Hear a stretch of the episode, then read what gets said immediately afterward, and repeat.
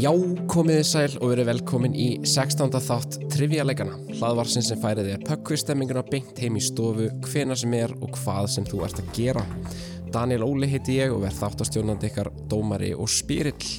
Með mér í dag eru Ingi Kristján Heiðdís og nýr keppandi Fanny. Ó, hæ, Hvað segirðu gott?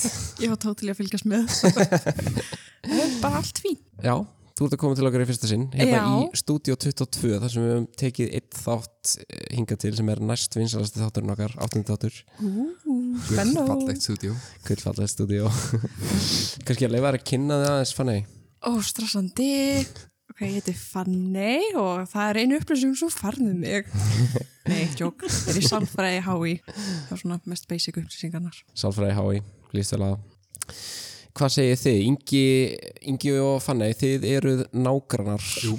og þið eru að mynda grjótartlið í dag Tím grannir, Tímgrann eða grannar annarkvort, Við erum granni grannar granni grannar Þið eru tilbúin, þið eru búin að vera að æfa ykkur hérna fyrir guð, gefni já. Gerum og þetta taka annað spurningaspil og svona Þetta er svolítið ekki með PTSD Hvað verður þetta ekki átt í spurningkefni áður? N- Nei, reyndar ekki, bara svona almennt sé Já, er þetta ok. Ah. ekki með PTSD Já, ok Engin hérna hefur tekið það til neitt í spurningkefni áður Nei, Nei, engin við veitum ekkert hvað spurningakefni eru Aldrei heyrt um þar Kristján og Hedís, hvað syngur ykkur? Já, bara, bara mjög fínt já, bara við erum bara mjög góð sko. Uh, við erum bara almennt séð bara mjög góð í spurningakennum sko og við í þessar kenni við, ég hef aldrei tapað nei, og við ætlum, við ætlum að setja stíðamett í þessum þetta. Ó, stór orð, stór Það vorum að ákveða það. Mm. Mér líst vel á það Nei, Já, já, bara, bara ok, game já. on sko. Spyrjum með leikslokum en þú Dani Herru, kannski Ég er bara Daniel. góður, þetta er í fyrsta sinn sem ég er spurður hvernig ég, hef, ég kann að meta það Ég er bara nokkuð góður sko. Gott. Ha, það er gott þannig. Við spyrjum alltaf hvað er Daniel, aldrei hvernig er Daniel Nei, nákvæmlega Ég hef aldrei verið spurður Ég er djúft snortinn En uh, já, trivjaleganir urðu eins á sem daginn og við heldum upp á það með hérna, grein í morgunblæðinu og, og svo hendum við í gjafaleik líka sem við erum búin að vera með í gangi Úp, úp.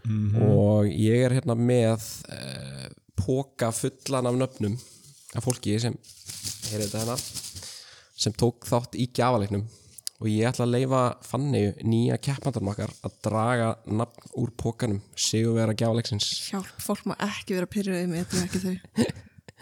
oh my, ok, og þetta er Sigurður Karls. Sigurður Karls til hamingi þú hefur unnið gjafabref á Hotel Siglo fyrir tvo Bing, bing, bing. Við erum alltaf svona, svona airhorn í þetta í takkabarið Já, já Eða bara svona klappa Sigurður við verðum í bandi við þig bara á Instagram Á Mm. gramminu góða til hamingi með þetta En já, þáttu dagsins er í bóði Elko, A4 og kuppabúðarinnar Við ætlum sérst að leifa ykkur Kristján og Heidís að fá Elko spurninguna Elko hefur verið mjög ábyrrandi í íslensku samfélagi gegnum árin og auglist víða, allt frá sjónvarpi yfir í útvarp, dagblöð og alltaf frábærum hlaðvarpum, líkt og trivjaleganir. Því er nú spurt út í auglýsinga eftirtekt landsmanna. Samkvæmt könnun hversu stór hluti landsmanna segist hafa séð auglýsingar Elko og þið fáið fjóra svarmölinga. Er það A 81%, B 76%, C 64% eða D 53%? Herðu, Elko er, þú veist, það vita allir hvað Elko er. já, Já, þú veist, amma mín veit hvað Elko er, langamma mín Hvað veit hvað var- Elko er. hvað var hérna svarmælegi B 76. 76 og síðan 64 já, já. Ég, mér einhvern veginn finnst eins og það sé A sko Þú veist, svo ég, mikið að- ég meina, þú veist leikskóla krakkar, vita hvað Elko er sko Já. mamma, mamma, ég vil fara í Elko, ég vil fara Playstation já, já, skjóta A, ég er til í A sko, já, ok, A 81% Þið ætla að negli 81%. Það er hár rétt. Vel gert. Elko Vel sem fræðingar. gert bara, þú veist, markastillin hjá Elko Það er styrlað Ádjóks. það er líka bara að það vita allir að þú segir að ég ætli í Elko Já, þá er enginn eitthvað, ha, hvað er Elko? já, nákvæmlega Já, sko. meinaru Elgigant, en það er í Danmarku bara sko Það er í Það er Danmörku, elsjöp já. í Nóri sko. hvað séru? Elsjöp í Nóri, elding í færiðum Elding í ferri. Ég var að lesa um Elko um daginn Þetta er elding í færiðum já, eða hérna, Áhugavert. Það er grjótart nafn eða hérna be- besti bæri í Utah Elko Það veist maður. Já, það er sko í Júta að gegja það bæri sko Já, mælum mánu Herri, Fættur upp hann þar þið fáið þá uh, kuppabúðarspurninguna uh. Fanny og Ingi Spennu. eða Fangi, eða Fangi eins og ég vil kalla Tím, ykkur tím granni grannar Kuppabúðin er með landsins besta úrval af legokuppum en kuppabúðina má finna á annari hæð smáralendarinnar þar sem kuppaséfræðingar geta aðstóða þig við að finna fullkomni gjöfina undir jólatriði ár. Marvel, Harry Potter, Star Wars, Frozen, Duplo, já, þú finnur heldur betur eitthvað fyrir alla kuppa áhuga menn í kuppabúðinni. En það leiðir okkur að kupparspurningu þáttarins. Eins frábærir og legokuppar eru að þá getur verið ansi óþægilegt að stíga á þá berfættur. Maður að nafni Sonny Molina síndi þó að allt er hægt ef viljinni fyrir hendi en samkvæmt heimsmetabók Guinness á hann metið fyrir lengstu vegalengt sem gengin hefur verið berfættur á legokupum. Hvað er svo vegalengt löng og þið fáið fjóra svarmöðleika? A.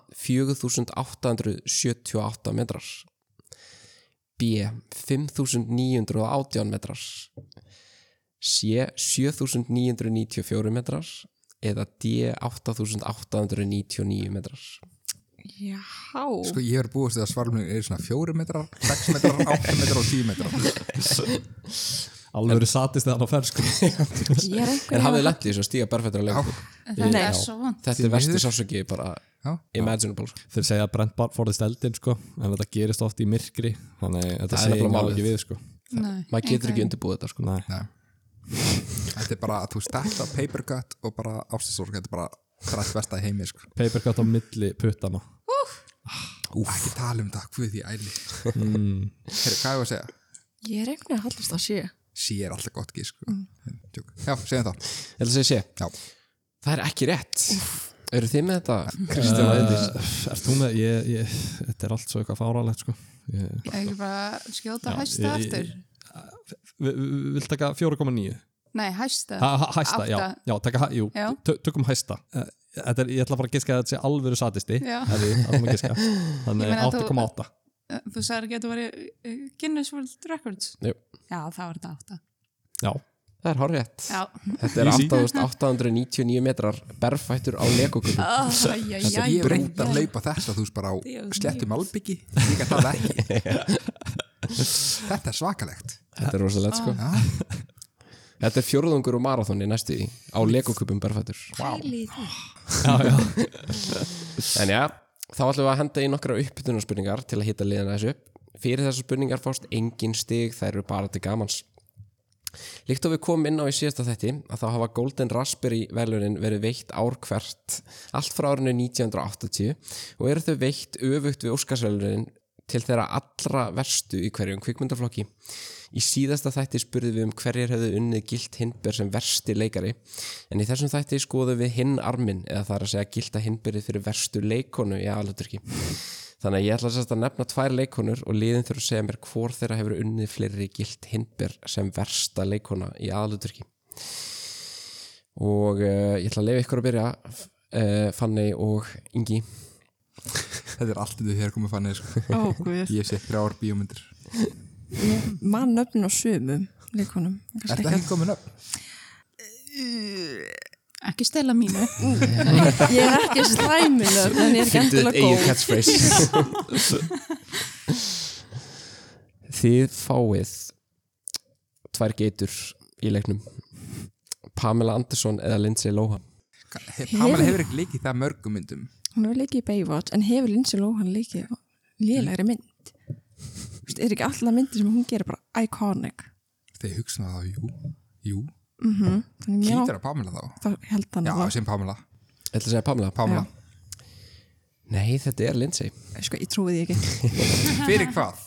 Já, ég segi það. Uh, ég er ekki með myndina en uh, hún hefur semst unnið eitt gilt hindber en Pamela 0 en Pamela hefur semst verið tilnæmt Eins gott. Hún leik samt alveg í alveg hellinga af svona einhverjum bjömyndum, þú veist. Er þetta kalla Herbie Fully Loaded B-mynd? Nei, held ég sé myndist hana. ég á Herbie? Nei, Nei, bara ein- einu mynd sem mann eftir með henni. hún leikir er paratrap hún eina hún af þessum góð trefum sem þú hefur síðan? Nei, ég hef ekki séð hana. þar. þá fyrir við til leikar Kristján Heitis þið fáið Madonna eða Demi Moore Madonna eða Demi Moore. Demi Moore ég veit ekki eins og hvað það er sko Hún hérna... Demi Moore, í, í, í hverju hefur hún leikið In, Indecent Proposal Loksins Coyote ég ekki Ugly. hver ykkur er Annar nýja Þetta er, ég, ég veit ekki hver Demi Moore er maður Ég, hmm. fyrsta gifski í haustum á mér var Madonna. uh, Já En hún er samt eitthvað svo mikið íkon að mér finnst Demi Moore líklegra. samt sko, hún er, jú, hún er icon sko, hún er, já, náttúrulega, hún er söngona eins og við vitum öll hérna og, jú, jú. og, og þú veist ég held að það sé mjög oft sko hérna þetta þetta er aldrei oft það sem að þið, þú veist, eitthvað svona frægur söngari Mm eða sönguna leikur í myndum og þau eru alveg bara þér langar að klóra úr þér augun -hmm. Floppar bara alveg gjörsanlega. já, þannig að ég er daldið á, á Ma- Madonna sko Ok, þú já, ertu sammála? Já, bara Madonna, Hendi í Mamadonum já, líka bara ég veit ekki hvernig Demi Moore er sko. Þetta er Madonna yes. Hún hefur unnið fleiri gilt hindber en nokkur önnu leikuna Hún er með fimm stykki wow. Hver hefur hún leikið? Já, uh, Hún leik til dæmis í Evitu Ég man ekki Aftur, eftir í hverju hefur hún leikið? ekki fleiri myndum með henni sko. En Demi Moore hefur unnið tvö Þá fyrir við til ykkar aftur uh, Ingi og Fanny Þið fáið Sarah Jessica Parker eða Nicole Kidman Ú, Parker ég held að það sé Parker Já, hlýtur að Parker sko Ég er endur ekki sér neitt með henni sko Þú bara Saxon City sem ég veit af veist, Ég hef bara heyrt hana, henni verið líkt við eitthvað eh, ek, dýr í einhverjum sjómanslátum South Park Það er ég, ekki, ekki mín orð það, það þekkit allir Já, ok, ok uh, Þannig að, þú veist Ég Hún sé er, þetta hún er ekki. mín, hún hlýtur að fengja raspir ég meina hún leik Já. mjög samfarti hest þannig að- í hana í hana, hvað hétt myndin það var ekki eitthvað My Little Pony nú veit ég ekki hvað Black- sjónvarpsefni Black þú horfur á en ég hef ekki séð þetta Secretariat uh, Nei, þarna, já Jú, ekki segja Sarah ha, Sara Já, allan daginn Sarah Þið ætla að hendi eitt stykki Parker Eitt Parker Það er hárétt Já, já Þetta er Sarah Jessica Parker, hún hefur unnið eitt stykki en eh, Nicole Kidman hefur ekki unnið gilt hindber Þá fyrir við til ykkar aftur uh, heiti svo Kristján, þið fáið Kristin Stewart eða Miley Cyrus Ekki dyrfast að segja Miley Cyrus ég bara um leið, bara millisekund eftir þú sagði Miley Cyrus og vissi að Ingi var að fara bara on the mic Ég er bara, ég er að reyta sko. um, wow hvað, hvað, Twilight eða Party in the USA já Put your hands sko, mér líður, mér líður eins og fólkið á bakvið The Raspberries hana, The Mm. Golden Raspberries, mér líður eins og þau eru svona Twilight heitar sko. Já, Þú veist, mér líður eins og hún hefur fengið hún er fyrir líka ros, Twilight hún er rosa mikið svona mouth actor hún rosa mikið svona hann þetta sérstakett hann hún, hún, svona, hún leikur rosa mikið Já. með munninu Já, hún gerir það, sko. svona, og þa það hefur Já. svona bjargari Já. en Miley Cyrus er alveg góð leikona ég meina hún var með Bara góð þætti kona. á Disney já, í Disney, mörg ár Disney stjarnar og allt ég skilurðu? segi Kristen Stewart já, með þess Miley Cyrus bara ég held að hún sé bara, bara góð, góð leikonu sko. Drottning já, queen, hún er our Ég queen held að við getum líka ekki núna að giska á Miley Cyrus og það þá hendur yngi okkur út hérna. Já. já, já, Bara ég er reysa Þannig að við giskum á Kristen já. Það er rétt Já, Eins gott Kristin er sérst búin að vinna eitt gilt hindber og Miley er með 0 en hún hefur samt verið tilnæmt tvisar já. bullshit Blóðið er að hitna hjá mér núna sko. Bara við þetta sko. fyrir hvað var hún til nefn? Ég, ég man það ekki, Hannah Montana eða eitthvað já. Nei, það er ekki Það er hægt ekki það er bókstæðlega ekki hægt Hún er flawless í þeirri mynd og þáttum Herru, þið fáið uh, Ingi og Fanny, þið fáið Paris Hilton eða Sharon Stone Parsildón sko, Reynda Sjára Stóni með þarna atrið þarna sem hún þarna sittur í stólunum og Ingi er að leika þetta núna, þetta er Já. mjög sexy það, ah, já, það var þetta hérna já, já, Þetta Er það hún? þetta er sko. íkonist Þetta er eina sem ég veit um hana Ég hef ekki séð myndina máli er, ég veit Basic að það er instinct. Paris Hilton en hún er, Já. út af því Eh, hún er svo iconic Hún þetta er, er, hún er, hún er iconic, hún er geit Já, herru við segjum Parsildón Já, nei, það er ekki rétt ú, uh, Sharon Stone hefur unnið tvö en Paris bara eitt Hvað fekk Madonna mörg? Fimm Það er, það er toppurinn sko, það er engin fengið fleiri Ég veit ekki eina mynd sem hún leiki nei, ekkert líf það er kannski ástæðan sko. okkur um vannfinn Já, já reyndar eitt Góð pæling Þá fyrir við til ykkar uh, Kristján og Heiðdís, þið fáið Denise Richards eða Jennifer Lopez Denise Richards og Jennifer Lopez uh, Nærmur að minna mig á hver Denise Ég veit ekki hvað Denise Richards er Það Hún leik í Tammy and the T-Rex sem við töluðum um í tínda þetta Mitt instinkt sagði hinn þótt ég veit ekki hver hún er Já, þú veist, ég held að eina sem við getum bara byggt á er bara að, að J-Lo he- hún- J-Lo hefur verið í fí- M- Made in Manhattan og Já. hún hefur verið í Svo hérna. hún hefur verið í fínum myndum en hún getur, mér líður svo hún hefur örgulega verið í eitthvað svona geðið shit í eitthvað svona buddy cop mynd það Þú getur veist. hérna, alveg það getur vel verið að hún hafi verið tilnæmd alveg Já, eitthvað sko, en ég bara vei- ég næ ekki tengja hver hinn er þannig Já. að þetta er svolítið erfitt fyrir mig að svara þannig að ef þú veist hvað það er þá má þú sko, ég veit ekki hvernig Denise Richards er en ég sé fyrir mér J-Lo í eitthvað shit í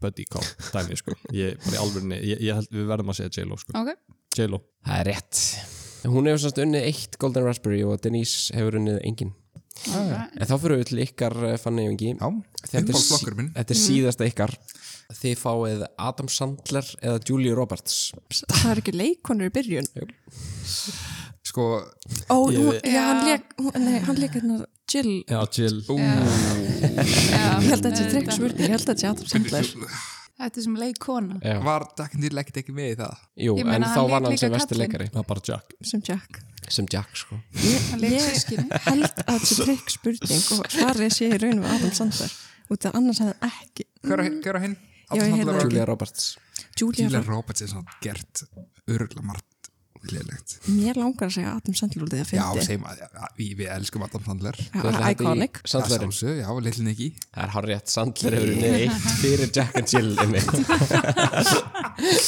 en Roberts hefur ekki unnið neinn hún hefur samt verið tilnæmt einu sinni en Já, ok. þá fyrir við til, yfir til ykkar eh, Kristján og- og heitist þetta er síðasta í uppbytunni þið fáið Whoopi Goldberg eða Melissa McCarthy Whoopi. Tvær geitur.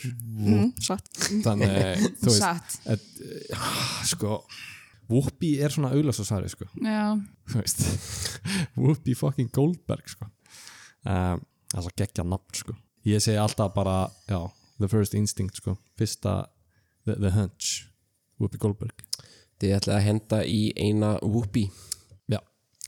nei, þetta er Melissa McCarthy hún hefur unnið eitt Golden Raspberry en Whoopi engin já, þá fyrir við yfir í flokkaspurningarnar en þær eru samtals 16 liðin skiptast á að velja flokk hvert rétt svar gefur 8 stig ef liðin er ekki alveg viss þá geta þið fengið að heyra fjóra svarmöðlega en fá þá einungis fjögur stig fyrir ef liðin svara vittlust þá færist svarrétturinn yfir á hitlið en þegar það gerist þá geta liðin aldrei fengið meir en fjögur stig heiti svo Kristján, þið slátruðu hérna uppbytunni þannig að ég ætla að leifa ykkur að byrja í flokkunum, hvað flokk vil ég velja? herru, við ætlum að hoppa í töluleikir og spil Töluleikurspil, grjótart, bombum í það Eftir lestarslýsið sem var kvikmyndin Super Mario Bros. sem kom út árið 1993 hafði Nintendo lítinn sem engan áhuga á því að gera aðra myndum bræðuna Mario og Luigi Það er sagt að tíminn lækni öll sár og það átti greinilega við um tölvuleikja myndir Þar sem Shigeru Miyamoto, skapari Mario, gekk í það að gera aðra slíka kvikmynd árið 2016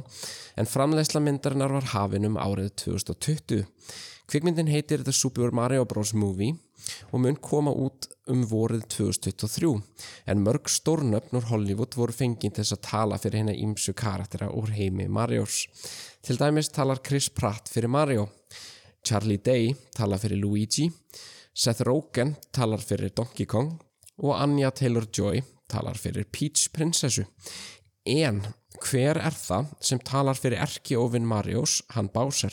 ég horfði á trailerin fyrir svona myndi gær og ég, hvað voru þeir að pæla með Chris Pratt eða? þetta er að It's a fára me, Mario. hann gerir Hann ekki gerir ítalskar ekki hreim. rödd. Ég veit ekki það. einu svona svona brúklin ítalskar Ég get hreim. gett þetta betur en hann, sko. I'm Mario En sko- I'm Mario hann segir svona í myndinni Já. sko. Ég ætla ekki að dösa þetta strax út af því að ég var að horfa á hérna The Game Awards núna bara í nótt og það var gefin út nýr trailer þar sem maður fær að heyra meira þú veist, röddina í honum Þetta passar alveg við þú veist, Ókei. þegar maður byrjar að horfa en sko, þú veist, en ég, mér finnst samt vanta ítalska hreimin sko, ég er búin að vera grjótharður Nintendo maður frá því ég var bara 8 ára eða eitthvað. Mhm. Þú veist, ég er, bara, ég er búin að spila alla Mario, Zelda leiki, allt þetta.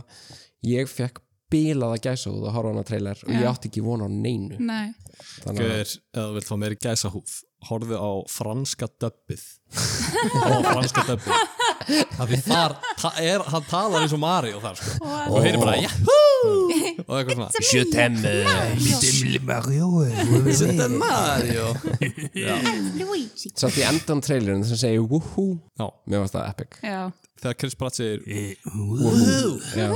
Woohoo, I'm Mario Hann negli woohoo sko "Ah, Ok, ok, ég skal gefa það uh, En herru, við þetta er hann Jack Black Þetta eru aftar stygg yes. Þetta er Jack Black sem að talar fyrir Bowser Takk Daniel Takk fyrir áttastíðin Þetta er að góðu, gleyli jól Fanny og uh, Ingi Já, Heyrðu, komum við við ykkur ætlum að taka töluleik Nei, nei. Þú mátt velja fyrst Ó, yey Og ég velja Þú mátt velja En ef ég velja eitthvað sem er bæði slæmi Þá erum Nei. við bara búin með það íslenska sögu, please Please Mm. Íslenska landafræði Taka Stefánslokkin Eh. Við erum bæði leiðilegt þar Já, við erum bæði lillið Djúl þar Stefán Ok, Eitt Víslega. Stefán, Eitt Stefán bombum í það Förum í íslenska landafræði Sjáðu þetta á Stefán Hver er stærsta eiga breyðafjörðar? Flatei Það ekki jú, ég held Það er einu sem byggði allan Hlýtur að stærsta þá ég held að Við ætlum ekki á fjóra Það er Ef heigur að fjölskyldi mín er að hlusta Þetta vinsanast bara skipið áfram Hlýtur að Flatei Jú, ég held að Flatei Já Nei, það er ekki rétt Sorry pappi Kristín og Heiðís Sorry Stefán Þetta er, sko, Getum við ekki fengið fjóra núna? Nei, Nei, já ha, ha. Tjók. sko, ef það er einhver flokkur sem ég sökki þá er það íslenska landafræði sko. Um, sko, hann sagði breyðafjörður uh, Þau sögðu flatei, sko, eina það er bara ein önnur eiga sem ég þekki sko, sko, mér líður eins og ég hef heyrt um einhverja stóra eigu sem heitir Langey Ok, ég, bara, eh, ég ætla að setja alveg yfir á því Ah, Þetta er bara Shaun in the Dark, sko Langey það ætla að segja langi Já. Það er ekki rétt Fuck. Þetta er brókei Brókei Það er ekki eins og enginn hérna sé Þú veist Ættar úr breyðið Eða neitt Ég held að þessi Bara- flokkur þetta var bara bara sýnir aldrei að að það vantar meiri kennslu í grunnskóla En þú ert úr Flatey Þú veist maður Ég trúir er alltaf mann ekki sem úr stærsta, flati, sko. ég er reykvíkingur Já, þú veist fjölskylda Einhver fjölskylda einhver, einhver, einhver ekki ekki Einhver, einhver tíman var hún flatei einhver, einhver, já, Já, Kristín og Heiðís, komum við ykkur kvikmyndur og sjónvarp Í gegnum allar nýju seríur sjónvarstáttana Sænfeld eigða aðalpersonar fjórar óteljandi stundum á kaffihúsinu fræga. Kaffihúsið er yðurlega kallað bara The Coffee House en nafn kaffihúsins kemur þó margsinnis fyrir í þáttunum og má lesa til dæmis á rúðum kaffihúsins. Hvað heitir þetta kaffihús sem Jerry og félagar elska svo mikið? Hverju þurftur að spyrja út í hennan þátt? Það er engin undir 30 ára síðan á þátt. Ég hef séð þetta Ég bara, og ætla að segja catchphrase sem heitir þetta, lélega minn upp Þið, ge þið getið fengið fjóra eða vilja. E, já. Já, tökum fjóra Bombi fjóra. E, það er bara klármál. A. Marx B. Monks C. Mats D. Nets Monks, Monks. M-O-N-K-S. monks Hmm, Nets. Wanna go... Hey Jerry, wanna come down to Monks? Segðu það ekki. Segðu ekki kreimir það ekki. Uh, við ge- getum bara sagt það sem þú fyrsta hönsið þitt, sko. Hmm. Það er, al, það er algjört gisk sko, en ef þú vilt taka sem sinna því þá Já, við, við segjum Monks. okay. Monks. Það er rétt, Easy. þetta er Monks Þarna. Easy, þú, þú vissir þetta það, Í- bara, þetta var það hann hana einhvers undir, staðar. sko. það var hana undir sko.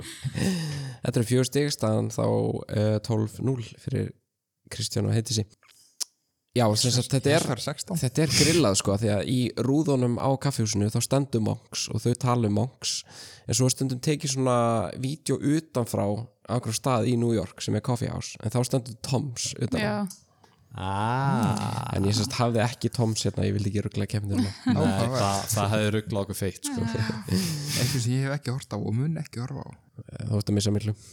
Uh, Fanny og Ingi, hvaða flokk maður bjóðu ykkur?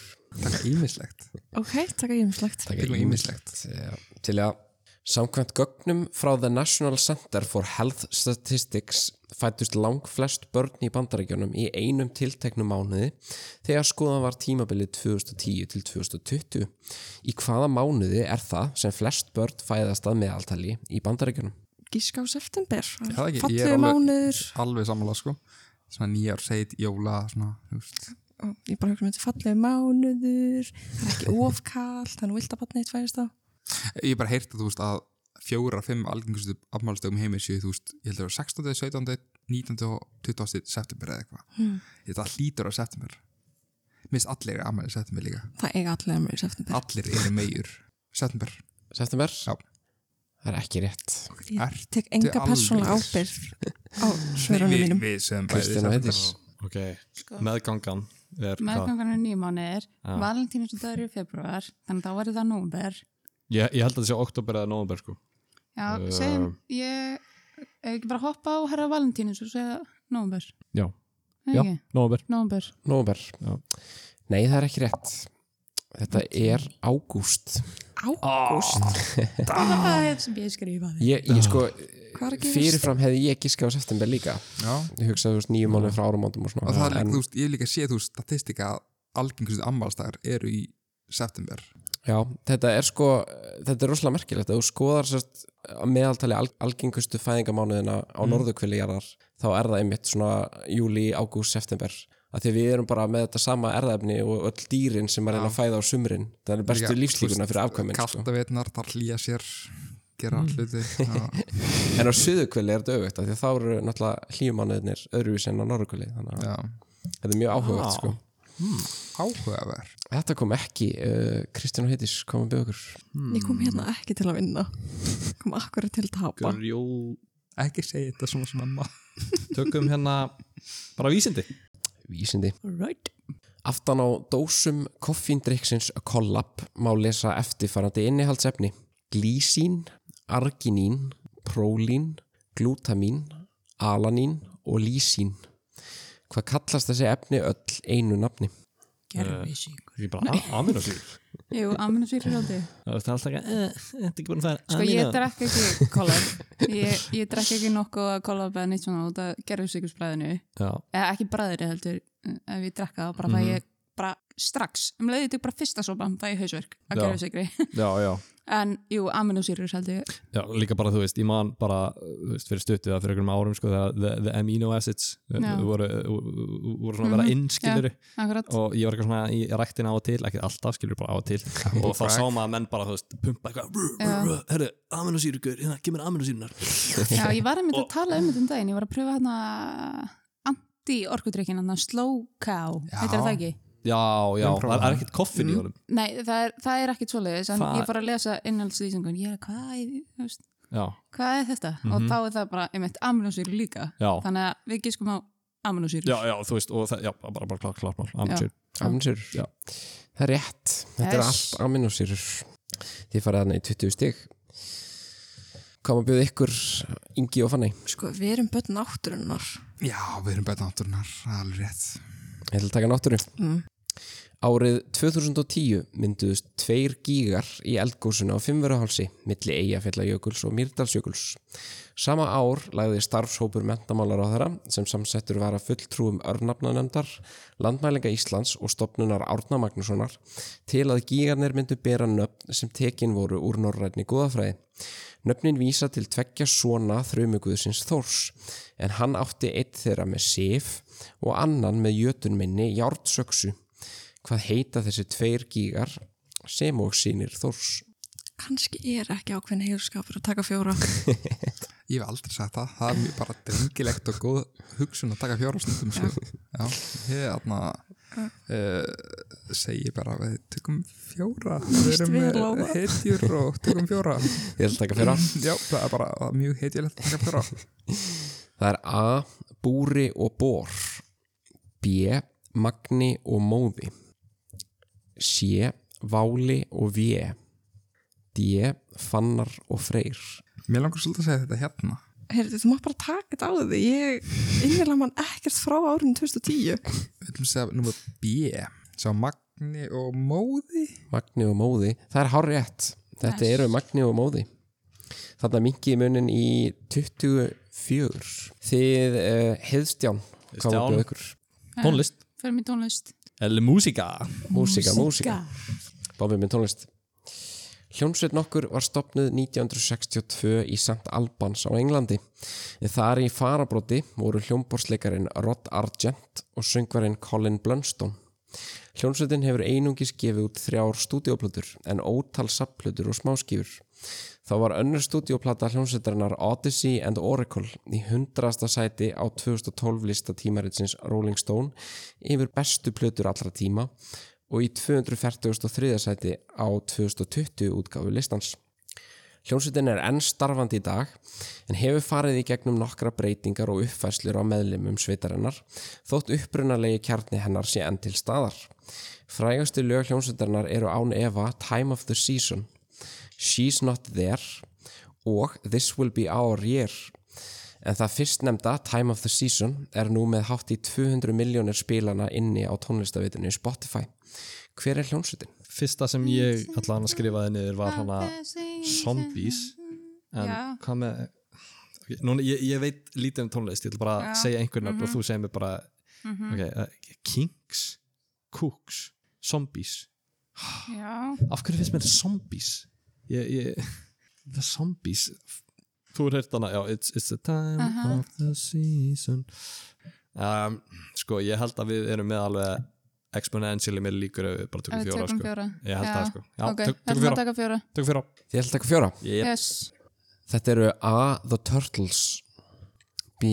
The Hollies C. The Association D. The Zombies Ah, Zombies. ok, zombies. Zombies Æjæjæj, Æ, við æ, æ. hefðum að það fylgja Já. einstaklega einu maður. Ég, bara, ég, það- ég sá 1962 bara, ég veit ekki hvað Já. zombies eru þá maður Ég ætla að segja The Zombies Já, Já. zombies Það er rétt Yes. Þetta eru fjögur stig, Það er 24 mikið að fjögur. vera að flækja þetta eitthvað. Ég var, ég var mjög impressed og vart með þetta þannig Já, að- Já. en það var samt alveg smá líkur að við, við hefum skipt yfir í annað sko Já. Yfir í annað svar Nefnilega, sko. Þannig eh, ég held að það var bara gott This Will Be Our Year er bara já, eitt af uppáhaldslögunum mínum Ég meðla með því, sjúklega gott En ég er með svona eh, Við fengum basically áttastiga annað sko Svona Basically Basically. Þið fenguðu kúlstig Já, Yes. Fansla og Ingi Vinslóð, ekki kalla með þetta aftur. sem leis, ekki kalla mér þetta aftur Gáðum að bjóða ykkur Herruðu, við Hvað? ætlum að taka mat og drikk Matur og drikkur Já Hvaða kryddjurt er það sem er yðurlega notuð í gravlagssósu sem er oftar en ekki innan seilingar þegar Íslendingar leggja sér gravlags til munns? Radil, Já, ég held það allavega. eini mittsilinstar uh, fyrsti mittsilinstar landsins uh, Dill er einna svona af uh, einblöðunga ætt og, nei, nei rósa ætt og uh, nei, þetta er dill Lóksvar, Já, ég held það það er hárétt. Þetta er dill. Þarna minkiði munin í 24.12. Þetta voru 8 stygg. Hægt og rólega. Góður hluti gerast hægt En og nákvæmlega. Uh, Heiðstján, kom við ykkur. uh, já ætlum við bara tökum þá ekki Tökum erlenda sögu Erlandsa, bombum það. Júgoslavia var ríki sem stóð á Balkanska bróðurpart 20. aldarinnar en ríkið liðaðist í sundur í nokkur smærri ríki á 10. áratugnum í kjölfar borgarastyrjaldar. Á þeim tíma var höfuborg ríkisins jafnframt stærsta borg þess en nú til dags er hún höfuborg eins þeirra ríkja sem urðu til í kjölfar upplausnar Júgoslaviu. Hvaða borg er það sem var höfuborg Júgoslaviu? Þetta er alveg undir því að koma, sko. sko, fyrsta sem ég hugsa er bara Sarajevo en það er náttúrulega bara tengt ykkur allt öðru held ég sko Aldrei hægt að lesa neitt í andlutinu á Daniel. ah, hver er aftur höfuborg Serbíu ah, þau vitið, þau vitið þetta potið sko, sko ég, ég er að hugsa sko, það er náttúrulega Belgrade sem var höfuborg Serbíu eða sem er höfuborg Serbíu held ég vonandi er ég ekki að bylla, sorry ef ég er að bylla uh, en svo er Sarajevo en, en, en það var hann eitthvað, hann- keisarinn hann var skotin, frændi keisarinn segja eitthvað hann var skotin í hérna í Sarajevo þannig eh, ég held að þetta sé Hvort er instinktið eitt meira að tóða til? segjum bara uh, nei, byrju, Belgrið hefur örugglega verið höfuborg Serbíu mhm. Mm, þar Ok, Herri, það- það með þetta. Belgrad það er rétt Já, já, já, já, já, já, já. Þetta er Belgrad Ah. Minn maður. Erfið fæðing Þetta var ljótt. Minn maður. Þetta er mjög, þú, þú leist út eins og varir að fæða barn ég, ég hef aldrei séð augu hverfa jafn mikið inn í höfukúpu Það er bara- Ég var alveg við það að fara inn að haldi hendina þér og strjúka baki, sko. sko Vá, Óþægilegt að Vel hann sagði gert. Belgrad Ég var svona please, Sarajevo, please, Sarajevo Já, ég, ég er ánæri sagði ekki Sarajevo sko. ég, ég hefði verið, hef verið bara stoned on the street sko. Þetta eru áttastig uh, staðan er það 32-12 Nei, nei, fyrir, við þurfum ekki að fá stuð fyrir heitísi Ég og maður er nú ekki oft Herri, svo að ég langt yfir ég, sko. ég er yfir að hæja nú sko, ég hef alltaf grúta upp að maður Já, nei, nei, nei, þau ná okkur á svona ég, þreymur ég, pjötum sko. ég, ég ætla- ég ætla ekki að setja mig upp á einhvern háan stall strax sko. Nei, nei, nei, en við erum svolítið að setja stegum Þú mætti að halda að þau eru með eitrum mannski í liðinu Já, við talandum um það, við erum nú alltaf að fá okkur í kvöld Hvað er það að drakka, Fanny? Eitthvað úr ríkinu Gott svar Þetta er ríkinu Bramble Gin Cocktail Ég veit Ó, ekkert ok. hvað þetta er, en þetta er mjög Hvað gott, er það? mælum Sko, með. svona príblandaður Já, Þetta er flott flaska allavega Já, hún er mjög flott Já, En þú, mjög Ingi? ég er hákvæmt. búin að skipta á milli bara hefðbundins uh, voða klassískan bjórs og meskal blandaðs áfengis Kristján, hvað er þú að Ég drakka? er bara næstu bara við ynga, ég er að draka hennar að landa misu Eh, Frendi minna Jói sko, hennar á vesturunum hann, hann bruggaði Einar þetta fyrir mig frændi og- eða? Sjáta, hvað sér ég? Einar frændi? Ja, e- e- Einar og Jói frendi Já, sko. já, Hann Einar bruggaði þetta í myrkir. baðkarinu sinu ah, Landa misa mix, úf Ég er í al íslenska appelsíninu Grjótast Grjótar En þú Daniel, Herru, ég er að drekka hérna Light Jól Þetta er sem sagt þetta, þessi drikku, þetta var mandarinn í dós Það, það er svo fyndið, þú finnur mandarinu ég finn nefnilega svo mikið svona karamelbröð Já, reyndar, þetta er karamel á appelsina sko ég, ég man að þú sagðir um daginn eitthvað Hún Hún er- myndi að vera mandarina heiti þess að sniffa, þetta er rosalega gott sko Já, ég hef ekki smakkað ég, ég finn bara myndi að vera verða- mandarina verðers original bara svona ekta karamelbröð hvað finnur þú heitis? Mjög ASMR núna allt í einu. Að einhverju ástæði fann ég smá greni Það er jól Ég, ég, það er ég, jól, það er jól. Er það ekki stig? er það ekki stig þannig? Það er stig þið er að gera, fann ég ungi Ó guð hvað má Já, bjóða ykkur? um, við erum, já, já, bara taka trú og tungumál. Já, trú og tungumál, við erum svo tungumál. trúið sko Já, Gekki af nokkur trú og tungumál. Laos er landlugt ríki í Suðaustur Asíu sem rekur sögu sína aftur til búddíska konungsríkisins Lansang eða milljónfíla landsins sem ríkti frá 14. til 17. aldar eftir Krist. Opinbert tungumál landsins er laoska og eru íbúar landsins sæðir vera laoskir. En hvert er íbúa heiti þeirra sem búa í Laos? Eitthvað ekki bara frekar að fá fjóru ef við ætlum að fá einhver stig. Já, þú sagði ógsaldin englega að taka fjóra Já, Það er mjög gott, Það er drengilegt. það er góð hugmynd Þess vegna er svona langt eftir á já, hetjur taka fjóra. Heitir taka fjóra sko Tökum fjóra Fáum fjóra A. Laosi B.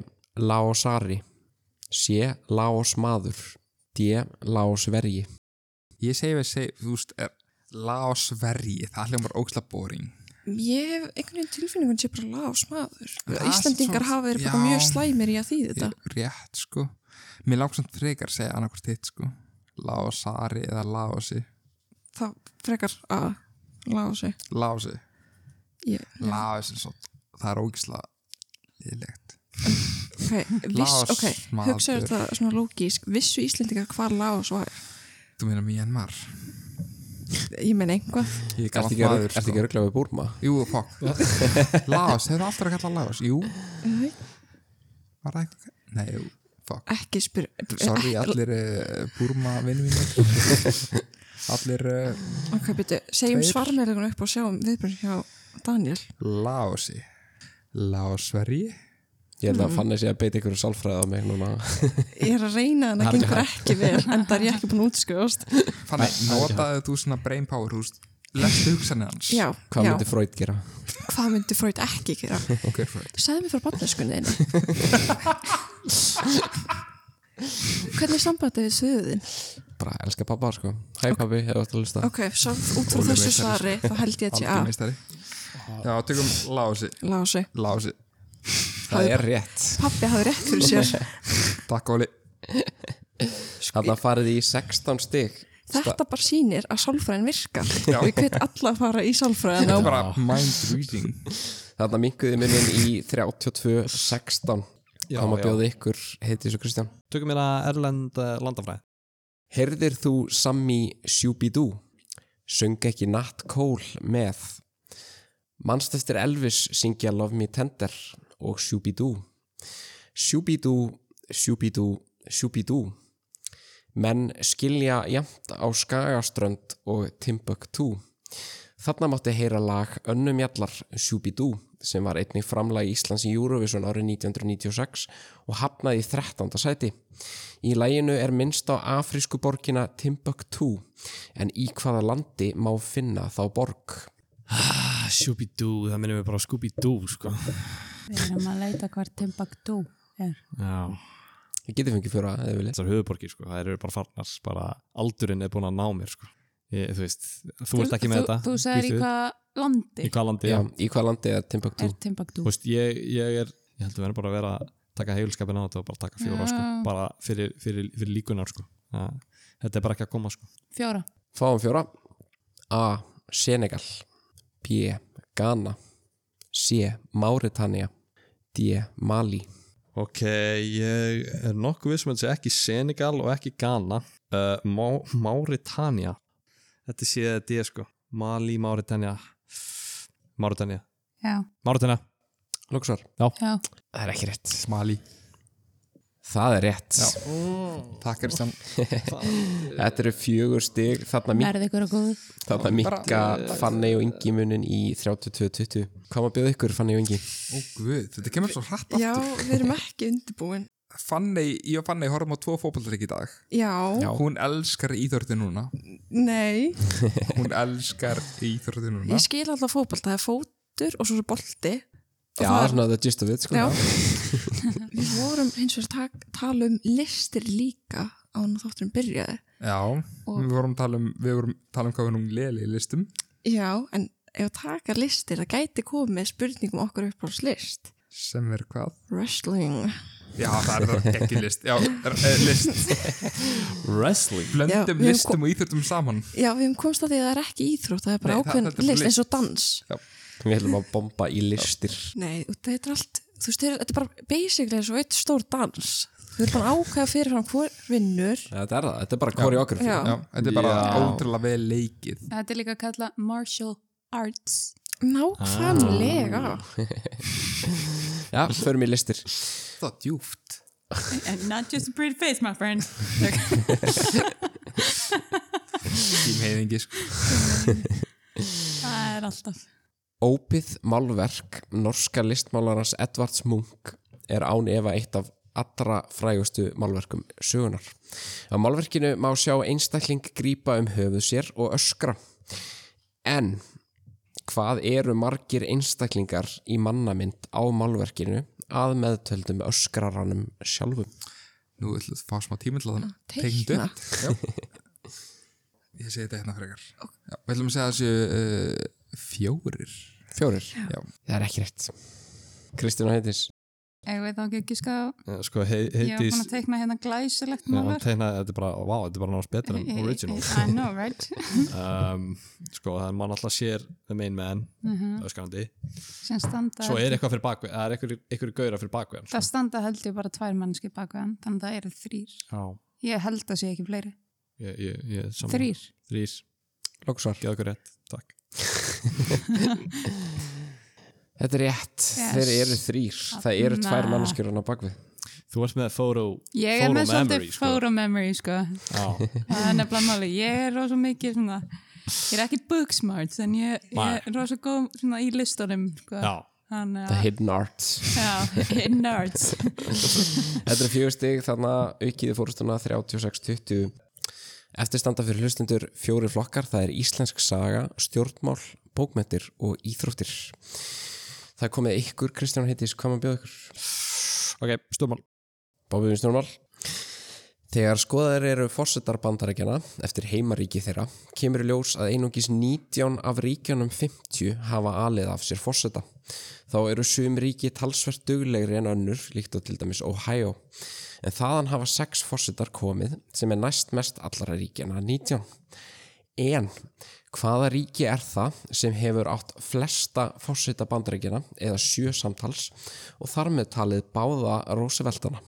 hérna, ég held að þetta sé sko hérna, fylki á austurströndinni þú veist, eitt af þessum upphaflu 13, bandar ekki byrjuð sem hann 13 svona Er, colonies er, við, er við þá að tala um uh, þú veist, þetta er í hann New England svæðinu þú veist, uh, þú veist, í kringu New York State, Maryland og uh, Mm. það þar er sko náttúrulega, þú veist, þetta er þar ég er ekki að tala um hérna höfuborgina ég er að tala um stateið Já, þetta state, það er hérna þú veist, í- í þessu öllu er þú veist eða þú veist, þetta er náttúrulega state en þú veist, það, í kringum þetta en er, þ- þetta hérna er alltof sko svona vestarlega, Já. þetta gæti ekki verið Ok. þú veist, að, að þetta, þetta er auðvitað eitthvað state sem er búið að vera mjög lengi í, í þú veist, Mm. eh, sögulega séð skilur ég, ég, ég held að þetta sé eitthvað svona þetta aðeins nágrana ríki Ohio sko.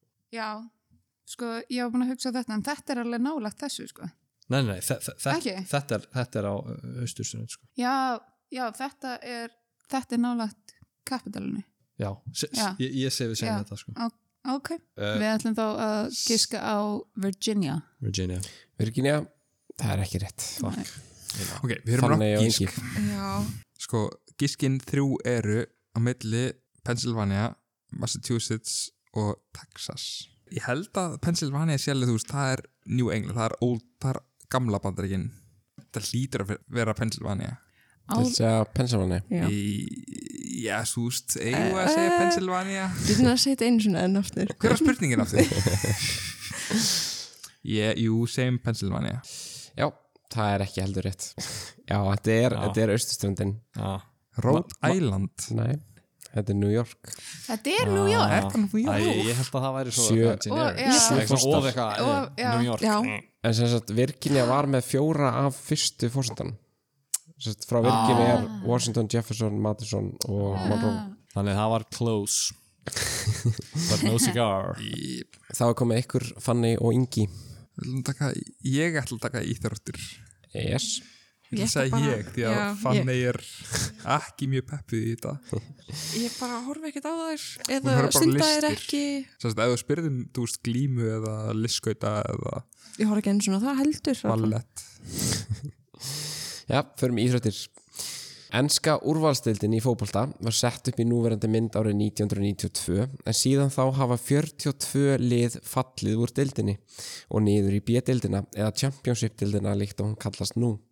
Norwich City er það lið sem hefur fallið oftast eða sexinum en hvaða lið er það sem hefur fallið næst oftast eða fimmsinum? Ekki Á horfa ég mig. að spyrja þig, þú veist, ég hef með nokkra hugmyndir. Sko, þetta er, ég ætla- ég ætla að skrifa því, ég vil ekki að þau fá báður hugmyndunar. Já, ok. Jó, æ, nei, please Sæði þetta fótt Ó, ég hef heyrt um bæði.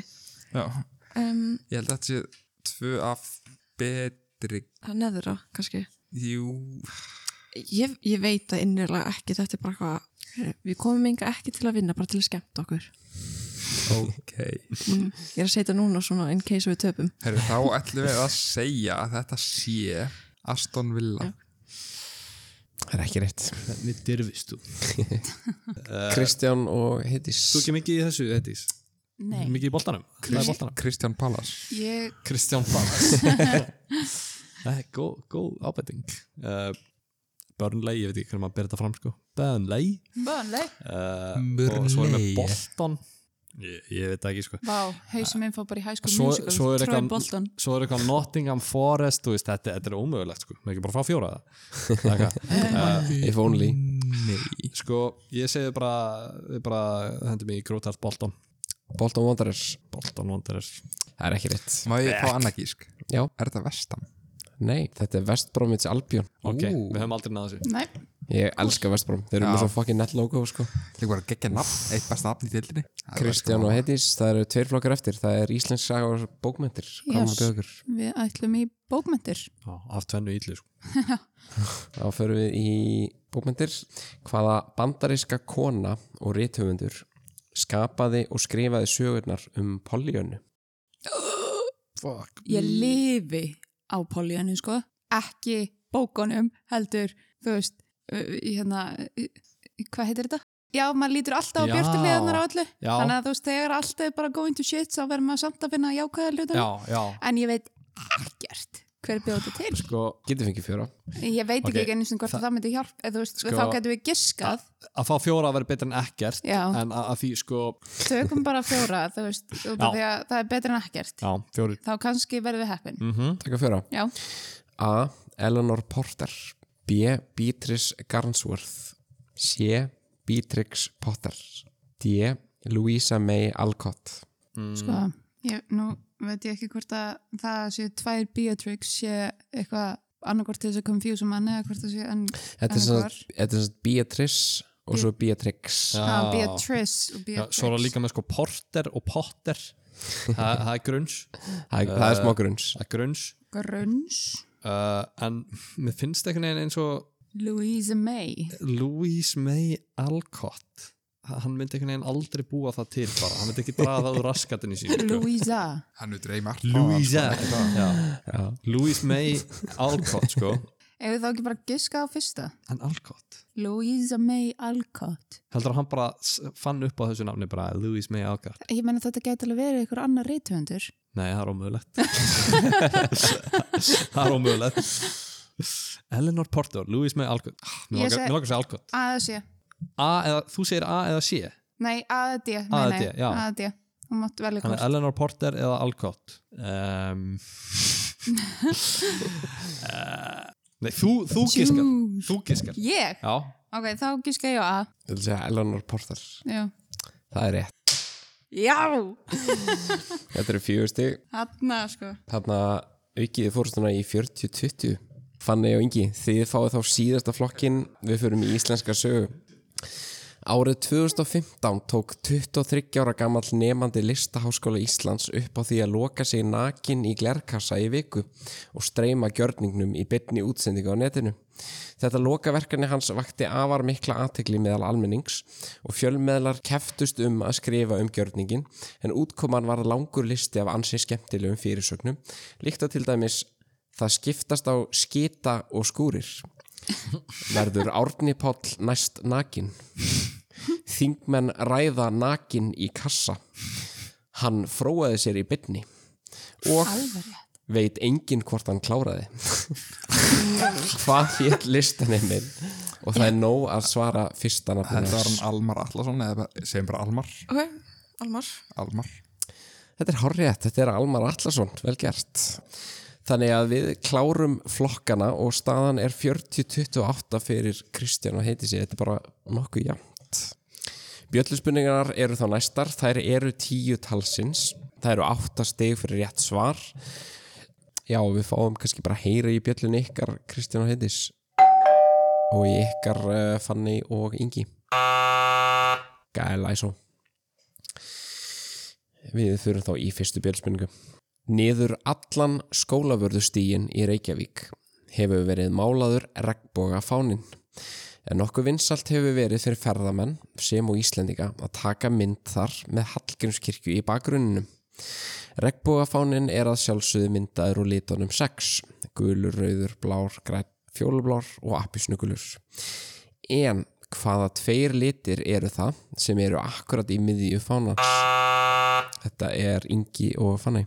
Þetta eru sex litir Það er ekki rauður, já. Það er ekki blár, fjólblár, ekki rauður appilsuna Þetta eru gul og græn mm Mhm. -hmm. Gul og græn Lóksar, Eða ekki? S- Ég, sorry, ég var ekki að Þú veist hlusta. það er rauður á einum enda og fjólblár á Hinum, já. einum Mhm. Þannig hlýtur að fjólblár, blár, græn, gulur, appilsunglur, rauður Þannig hlýtur að gulur og græn Ok, nýstilega. Gulur og græn það er rétt. Þetta er gulur og græn. Vel gert, þarna mingiði munin í 40-36 fyrir eh, Heitísu og Kristjáni. Þá förum við í aðra bjöldspurningu. Spurt er um leikfang. Leikfangið rekur rætur sínar allt aftur til um ársins 500 fyrir Krist, svo vita sé. En það hefur borið ímiskona nöfn í gegnum tíðina, líkt og til dæmis bandalor eða quiz. Þá er til málaður grískur vasi frá 50 öld fyrir krist sem sýnir ungan pilt leika sér með leikfangið sem var á þeim tíma yfirleitt skapað úr við, malmi eða brendum leir. Nútíma útgafa leikfangsins reykur rætur sínar til Philips eigingsins Petro Flores sem stopnaði leikfangafyrirtæki árið 1929 sem framleiti þetta umræta leikfang.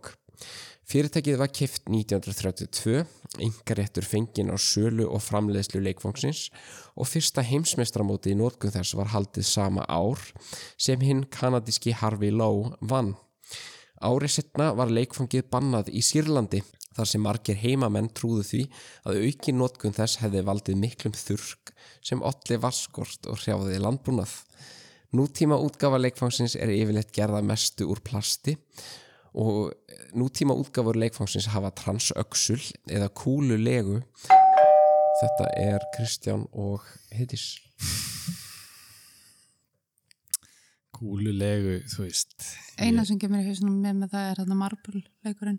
Hann er alltaf búin að vera til mjög lengi en Já, þú hann- dinglaðir þannig að Já, hann sagði að kúlulegu þá er eitthvað að snúast sko. ég, ég veit ekki ég ah, mér langar bara að segja eitthvað mjög stúpid sko, bara þú veist, jójó eða eitthvað ég var að fara að segja alltaf þessu jójó. Ég var að segja jójó.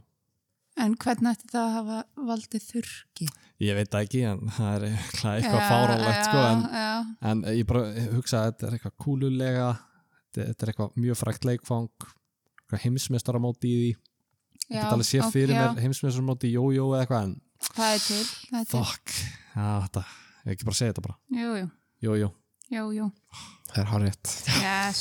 Vá, ég, vá, ég var svo vissum að þetta væri ekki rétt sko. En ertu með einhverja sögu hvernig þetta, uh, þeir heldu í fram að þetta hafi valdið þurrki? Nei, því miður ekki, en þetta var eitthvað svona hjátrú Það er það var mjög eitthvað, jójó var áhugavert. bara bila vinsælt og svo allt í henni kom bara massa þurrkur í Sýrlandi og það var bara, herra, þetta hlýtur að vera jójó Já, þegar þú sagði þetta, þá fór ég að hugsa er þetta eitthvað svona sem hún leikuði með þér í einhverju á eða eitthvað? Já, akkurat. um leiðu sagði að bara kúlulegu þá var bara svona, já, fidget spinner klárlega, já, já, nákvæmlega. það er bara 100% Þarna auka Kristján og Heitís fórustuna staðan er 48-36 við förum í þriðju bylspunningu Spurt er um stjórnmálaflokk Hann var stopnaður árið 1983 að fyrir um hvaði Vilmundar Gilvussonar Sonar Gilva Þótt Gíslasonar fyrirverandi menta, yðnar og viðskiptaráðara Í alþingiskostningunum sama ár kom flokkurinn fjórumönnum á þing en flokkurinn liðaðist og fljótt í sundur og var það svo að þremur árum eftir stopnin hans höfðu þrýr þessara fjögur á þingmanna gengið í alþjóðflokkin og svo fjórði í sjálfstæðisflokkin. Flokkurinn var einnig fyrsti íslenski stjórnmálaflokkurinn til þess að setja réttindi samkynniðra á stefnusgrá sína. Þetta er Fanni og Ingi. þetta er alltíð bandalagi Af hverju þetta horfa á mig? alltíð að þú Ég- átt að veita þetta Ég á ekki að vita þetta. þetta er alltíð bandalagi Læ. Það er ekki rétt. Ég held áfram með spurningar á. Uh, að setja réttindi samkynniðra á stefnusgrá sína en þáverandi formaður samtækana 78 var í frambóði fyrir flokkin í Reykjavík. Hvaða stjórnmálaflokkur er þetta? Þetta var eina sem að Eh, Já, ég við, þekki svo lítið, ég, eh, já. þetta hljómar, eins og þetta getur verið mögulegt, sko. ef við erum að hugsa Er hann um ekki vi- vinstri eldri? græna. Ha, Er hann ekki eldri? Vinstri græn? ég mitt veit það ekki, sko. þú veist, Það ég- það getur verið að vinstri græna sem miklu yngri, sko. Ég, ég, Eða, ég, já, ég held það sem yngri, sko, en Já. ég bara hef ekki hugmynd um hvað, þú veist, þú- ég, ég þekki valla stjórnmálaflokkarna sem eru til í dag, sko. næ. Ég- þú veist, Ef ekki Samfylk- bara að skjóta á þetta til þess að, vinstri grænir já, vinstri grænir. Lóksvar. vinstri grænir Það er ekki rétt. Fuck. Þetta er bandalag, jafna bandalag manna jafnaðarmanna. ah, okay, já, þetta, þetta hefði aldrei komið Nei, En vinstri ég, græn... ég- sko um leiðu sagði Vilmund Gilma þá, ég, var svona, ég veit þetta en ég veit þetta samt ekki já, já, það er svo pyrrandi að lenda í þessu. En sko, vinstri græn eru miklu yngri flokkur. já, Já, já, ég, ég Og gerði er, ráð fyrir er því. svona raunverulegur artaki alþjóðbandalagsins. nefndir líka ekki, þú, þetta verður auð flokkur eða Jú, hann dó út. Já. Þú Já, veist, þeir, að- þetta þeir, var að nokkur ára ekki sem hann þeir lifði. buðu sig aftur fram semst 87 en þá náðu þeir engum mannin á þing. Já. já. Þannig að þetta kom ekki. Þá förum við í fjörðu bjöldspurningu. Að hvaða fimm löndum á Rúmenía landamæri? Þetta var Ingi og Fannæ. ok, nú tekur hann kort aftur Ok. Rúmenia á landamæri að þetta er uh, náttúrulega tvölöndi viðbót Ok, svona sem að vibes.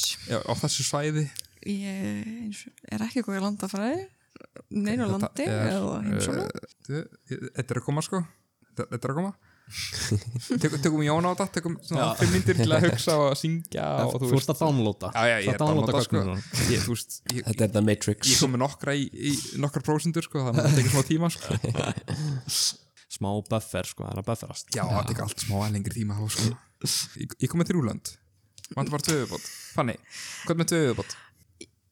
lönd, s- já, sem er í Evrópu þeir eru mörg Það er eitt sem er bara, sem ég, þú veist, er einna ok, en, En ég bara, man hvað heitir. Mm, Brussels er Það er höfuborg Belgíu Belgíu Já, það er ekki þar Þetta er Þetta er ekki- akkord hinn minn í Evrópu ég sagðist ekki verið góð í landafræði Eh, Þetta er sem sagt, þetta er Búlgaría, ok, þetta er Ungarland, þetta er Moldavia, þetta er Makedónia, og held ég, og Tyrkland, já, já, já, Það er ekki rétt Kristján og Hittis Hvað var þetta fyrsta sem þau sögðu? Pass. Bú- Búlgaría, já. já. Þau sögðu Búlgaría, Ungarland, Moldavía. Ég held að, ég, sé- að við, við séum sammála Búlgaría, Ungarija, Moldavía. En svo sögðu þau Makedónia og Tyrkland. Ó, nei, byrju, er ekki Rú, Rúmenía, já, Búlgaría er undir Rúmeníu. Uh, mm, shit, uh, ok, ok.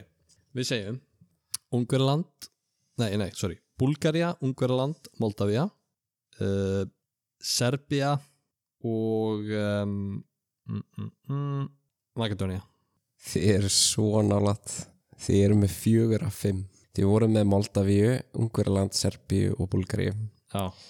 Landið sem ykkur vantar er Úk Úkraina Úkraina Fuck Já, við förum í fymtu björn spurningu Rick Rolling eða það að Rick Rolla einhvern er komin úr internet mými eða veraldarvefs jarmi líkt og það kallast á góður í íslensku Hugmyndin felst í því að fá einhvern til að smetla á hlekk sem virðist vera eitthvað annað en það er og þegar viðkomandi smetlir á hlekkin opnast upp tónlistaminband Ricks Astley Never Gonna Give You Up Í kjölfar útbreyslu þessa reks röku upp hlustendatölur myndbansins á YouTube sem stendur nú í 1,3 miljardum spilana frá því að vídeoð var sett á YouTube fyrir um 13 árum síðan.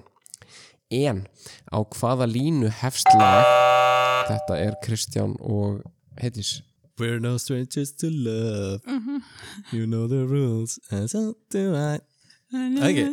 We're no strangers to love Þetta er hárétt. Já, já, já. Þetta er We Are No Strangers to Love. Þetta er sko mörg ára af bara PTSD sko Það er enda laust Endalist verður Rick Rólamann. bara á þessu ári oh.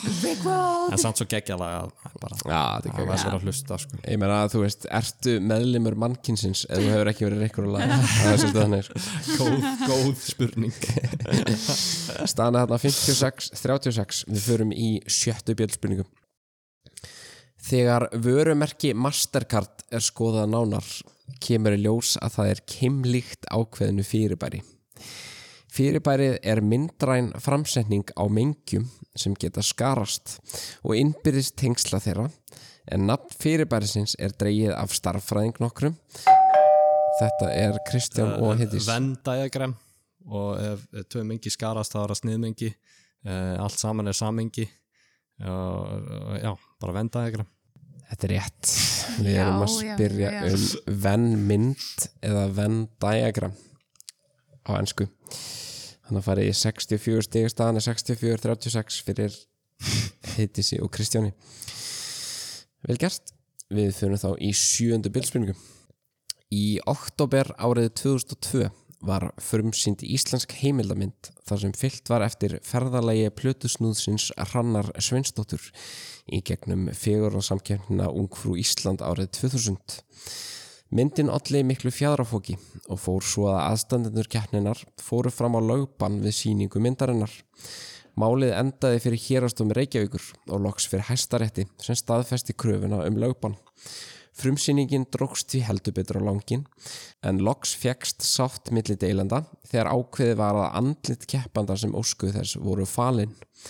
Myndin hlut góða dóma og var á endanum valinn besta heimildamyndin á ettu velunaháttíðinni árið 2002. Hver er heimildamyndin?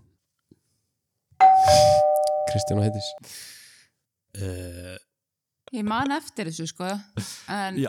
Í alveg? Ég, ég man eftir þessu Hefur þú séð þessa mynd kannski? Eða? í, í, þú veist, í, Þetta er fyrskið sem minni, ég heyrum þetta. sko. minnið er að segja mér að ég hafi séð hana Þú veist, Ok. Mm. ég sé svona brotunum þú veist, það, það var þú veist, svona, Og veitu, var voru þetta um svona- eitthvað skandal eða, eða þú veist hvað, ég, ég er ekki alveg að fatta þetta. Eh, eh, þetta var ég man ekki Já, ok. nákvæmlega hvern, þú Ok. veist, ég bara man eftir þessu Já, en ég man já. ekki dítilin Já, og ok. ég man ekki hvað, þetta heit, hvað myndin hét sko, Nei. en þetta var eitthvað svona Fallið á fegurðinni. uh, bara Ung frú Ísland, bara "Ah, það er svo boring svar maður. Eitthvað ferð fegur að dísarinnar ferð, eh, ferð fjördróningarnar. það er ekki Við rétt erum ekki með þetta. Shocker. Ingi og þannig okay. sko, það er Never eitthvað know. sem segir mig að það sé badnátturinnar en mér langar að gíska á eitthvað svona, þú veist, svolítið sem lesa íking út Eh, það er ekki rétt þetta er í skóm dregans Í skóndri Ég hef, þetta er bara fyrskið sem ég hver heyrum er, þetta. sko. er Katla Drekin? nei, það er bróðum miljónsvesta Æ, ég datta þessu Við förum í áttundu bjöldspurningu. Spurtur um ártal. Þetta ár hófst á fimmtudegi. Buckingham Höll lísti formlega yfir trúlofun Karls Bretaprins og Díunu Spencer þetta árið. Fyrsti DeLorean DMC-12 bílinn var framleitur í Norður Írlandi og Gró Harlem Brundtland var að fórsetisra þeirra Norex í fyrsta sinn. Kvikmyndin punktu punktur koma streik var frumsýnd í Reykjavík. Hljómsveitin Grílurnar var stopnuð og François Mitterrand var fórseti Fraklands. Þetta ár varð myndbreytingin þegar skorin voru 2-0 aftan af íslensku krónunni og Ronald Reagan tók við embætti fórseta Kristján og Heiðis. Hann tók við embætti fórsetans. Ég veit að Rekan var fórsetið 1980 sko. En Hann var kosin fórsetið 1980. En ég held að hann hefði það tekið við 81 sko. eina sem greip mig eða svona let mig fá tölu var með grílunar sko, ég man að það var early Já. 80 eitthvað, Mm en hvort það sé 81 eða þú veist, 81, 2 eða 3 veit ég ekki, þetta, er, þetta er 80 eða 81 sko. eða segja 81 þegar hann tekur við, frekar heldur hann dæma kosin, Já, ég minna, þú veist, eins og Biden var kosin, það var náttúrulega, var ekki 2020 election en hann var tekin inn Já. 2021, þannig við segjum 1981. Það er rétt. Fórsetanir sko, bandaríkja fórsetanir koma, það voru grílunar hjá mér sko, já, allt hitta bara, Delorean hjá mér suð. Delorean hjá mér allt hitta bara eitthvað suðu sko. Já, ég held að við þurfum að vera aðeins aðra bjöllunum. Já, viltu, viltu skilja þetta eða? Nei, takk. Nei, ég held ekki Þá förum við í Það er ný, það nýjöndu Já. bildspurningum. Fánar Mali og Gíniu eru nær speilmyndir hvors annars en fánarnir eru báðir myndaðir af þremur lóðréttum röndum. Hvaða þrýr litir Þetta er Ingi og Fanny. bara rauðgrætt gulur það hlýtur að vera að spyrja um bara hvað liti það eru, það getur ekki nýtt annað þannig að rauður, gulur, rauður, gulur, græn Það er rétt. Þetta er grætt, gulur og rauður og svo speglast fánar. Mm. Þarna mingiði munin og farið í 44 stík staðan er 72-44. Við förum í síðustu bjöldspurningu. Missouri og Tennessee eru þau ríki bandarækjana sem eiga flest landamæri við önnu ríki eða átta samtals. En á sama tíma eiga Alaska og Hawaii engin landamæri við önnur bandaríska ríki.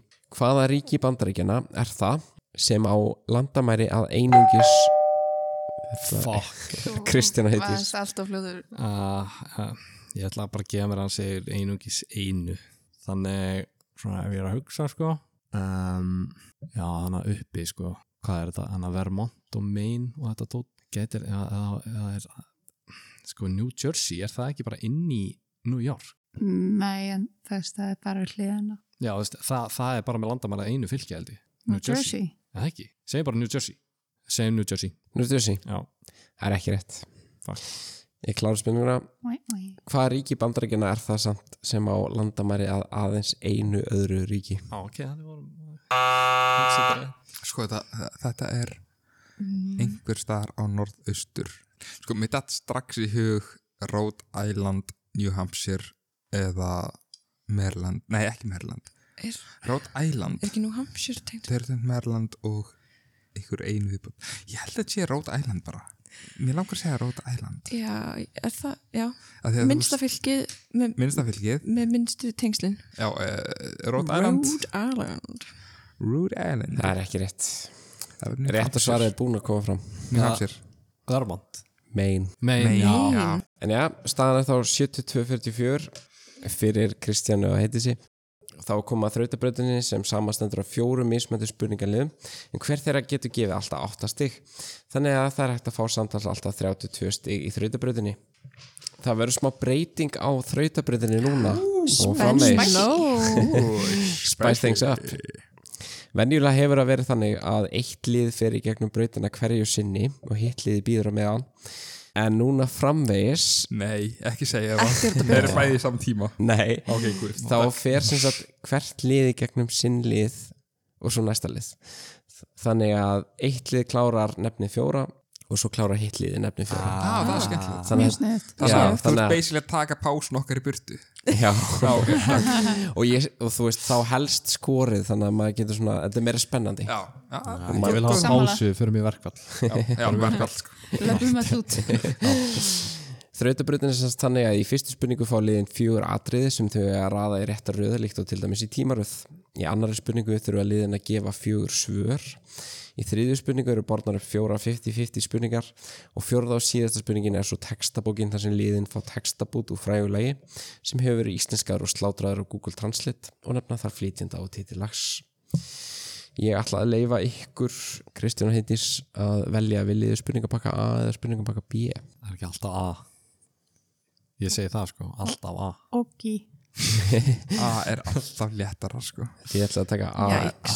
A er bara fyrir Er það alltaf letra? A, Alltaf léttara A er bara fyrir alfas Ég fæ alltaf B og það er alltaf erfara Ok, þá byrjum við á ykkur Kristján og Heitís Þið fáið raðið fjórum Sem sagt, nú verða taldar upp fjórar bjórtegundir Raðið þeim í röð eftir hver þeirra seldist best á Íslandi árið 2021 og byrjið á þeim bjór sem seldist mest af Hvert rétt svar gefur tvö stig en bjórarnir eru Corona, Good Light, Slots Classic og Tuborg Green Mér finnst þessu good light Hvað segir þú? Já, ég, ég er samanlega, ég, mér finnst good light vera efst Já, ég held að sé Good Light og sem Slots í öðru seti.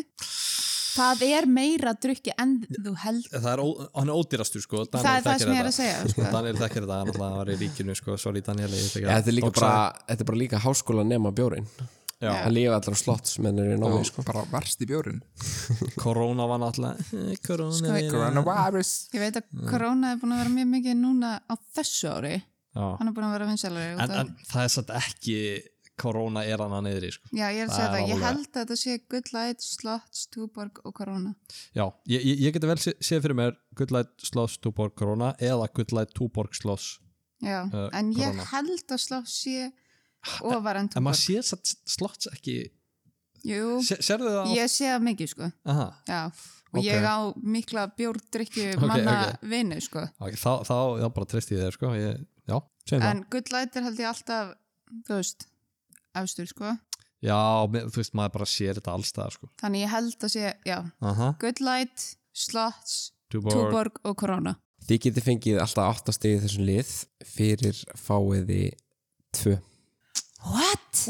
Þetta er sem sagt Good Light í fyrsta seti með 1.457.117 lítra Svo er það Tuborg Green með 761.070 lítra Svo er það Corona með 184.697 lítra og svo Slots Classic með 178.589 lítra Ég Ég- var svo vissum að Slots væri ja, ofar, Já, sko. mér finnst það logist sko ég, Er ég, það ekki? Já. ég hefði Já. aldrei giska að Corona hefði verið í þriðasæti En Tuborg Green er rosalega ódýr og meðan við hvað hann er Já. ódýr þá er hann rosalega góður En Daniel, þú fær sjaldan spurningar í þættinum Hvað áttu þú marga á þessum eina miljón og hvað mikið sem það var Á þessum Good Light Já, Ég átti einhverja kassa sko já, já 100 lítra Getur talið á Nei Nei Tvo viku, cirka Þarna fenguðu tvö stig Heiðdís og Kristján Skita. Þið farið upp í 74 stig Þá förum við í raði fjórum hjá ykkur Fanni og Ingi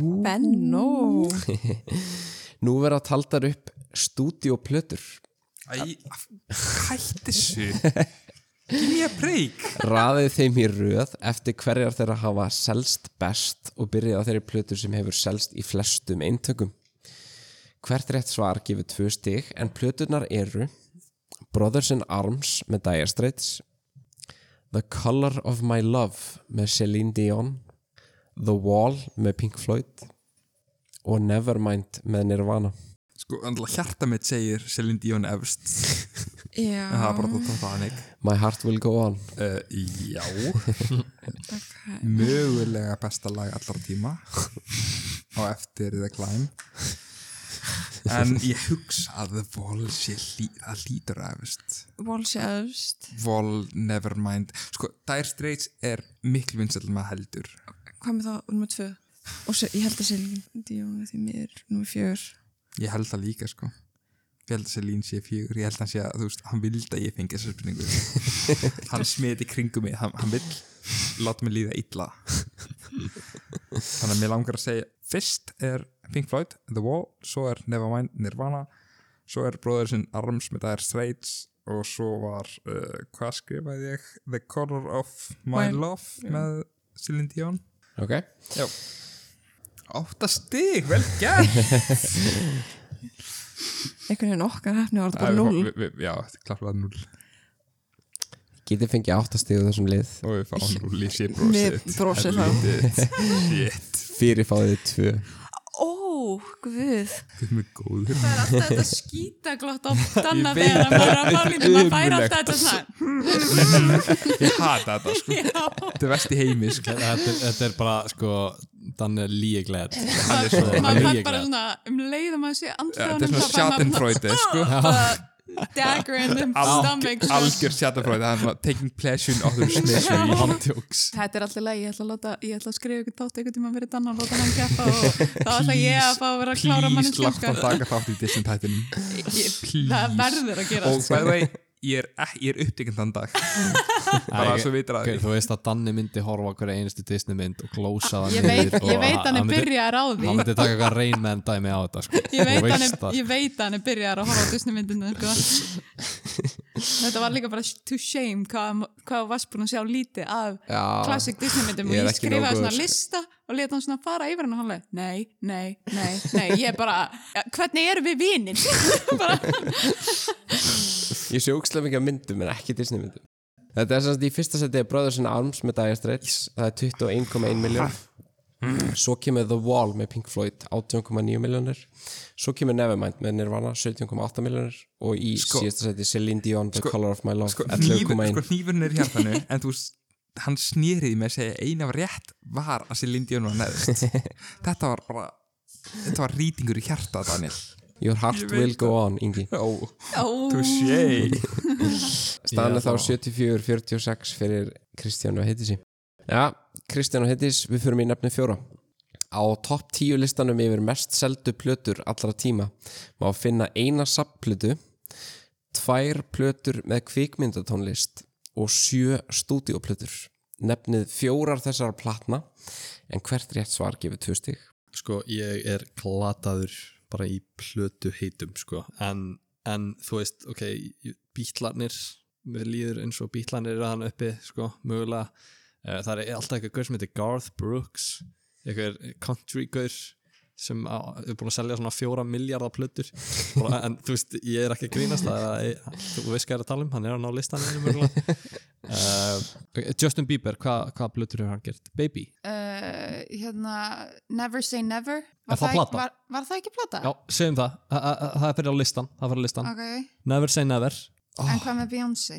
Allir hún sé hann uppi eða já, já, veistu hverja plötur Nei, neða, Lemonade, Lemonade ok, segjum það bara eða, eh, kannski Ah. með selda platan, ég veit ekki ég segi bara, að við, við bara dreytum niður Já, einhver fjögur plötu heiti og bara vonumst til að eitt af þeim eru Ah.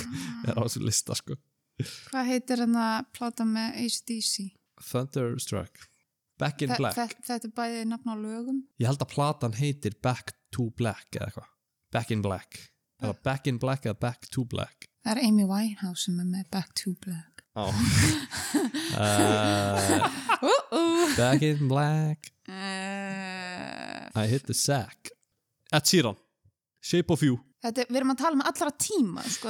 það Se- er rosalega vitt segjum það bara Dæmi, við, sko. við þurfum að segja bítlaplötur sko sko, Danni er náttúrulega sko, plötu safnari dauðans sér hvað hann er að njóta sín að sjá Já, okkur ég bara- kvæljast þetta hann er bara Já, svolítið vínilsapp, sko. já, Já. sko ah, ég er að reyna að hugsa hvað, það er ekki, hann á pottjætt allar þessar plötur, Já, nokkrar alveg hundra já, En það er Sergeant Rara Lonely Hearts uh, Lonely Hearts Club Það er við hann þurfum, að, við þurfum að koma með fullt nafn á plötunni Já, þið þurfum ekki flytjenda bara nafnið á plötunni Á, Ég þarf að fara að fara svo svar ok, ok, ok Við- við- Segjum ba- Back in Black Það er einn plata, segjum Back in Black með MJ, uh, nei, hérna ACDC eða með, uh, hvað var hitt Amy Það þarf ekki að Winehouse, flytja þetta. Amy Winehouse. Það þarf ekki flytjenda Það er, það er Back in Black ACDC, setjum hérna Circus með Britney Spears það er aldrei það en Geggjuð ok, plata. setjum það inn E, eða, geggjur þú uh, veist, hún, Já, hún var og- með og- Vegasjó af þessari plötu Ok. í mörg mörg ár og, og, ok, segjum svo líka hana myndin hana, hvað heitir Circus. það, Sound of Music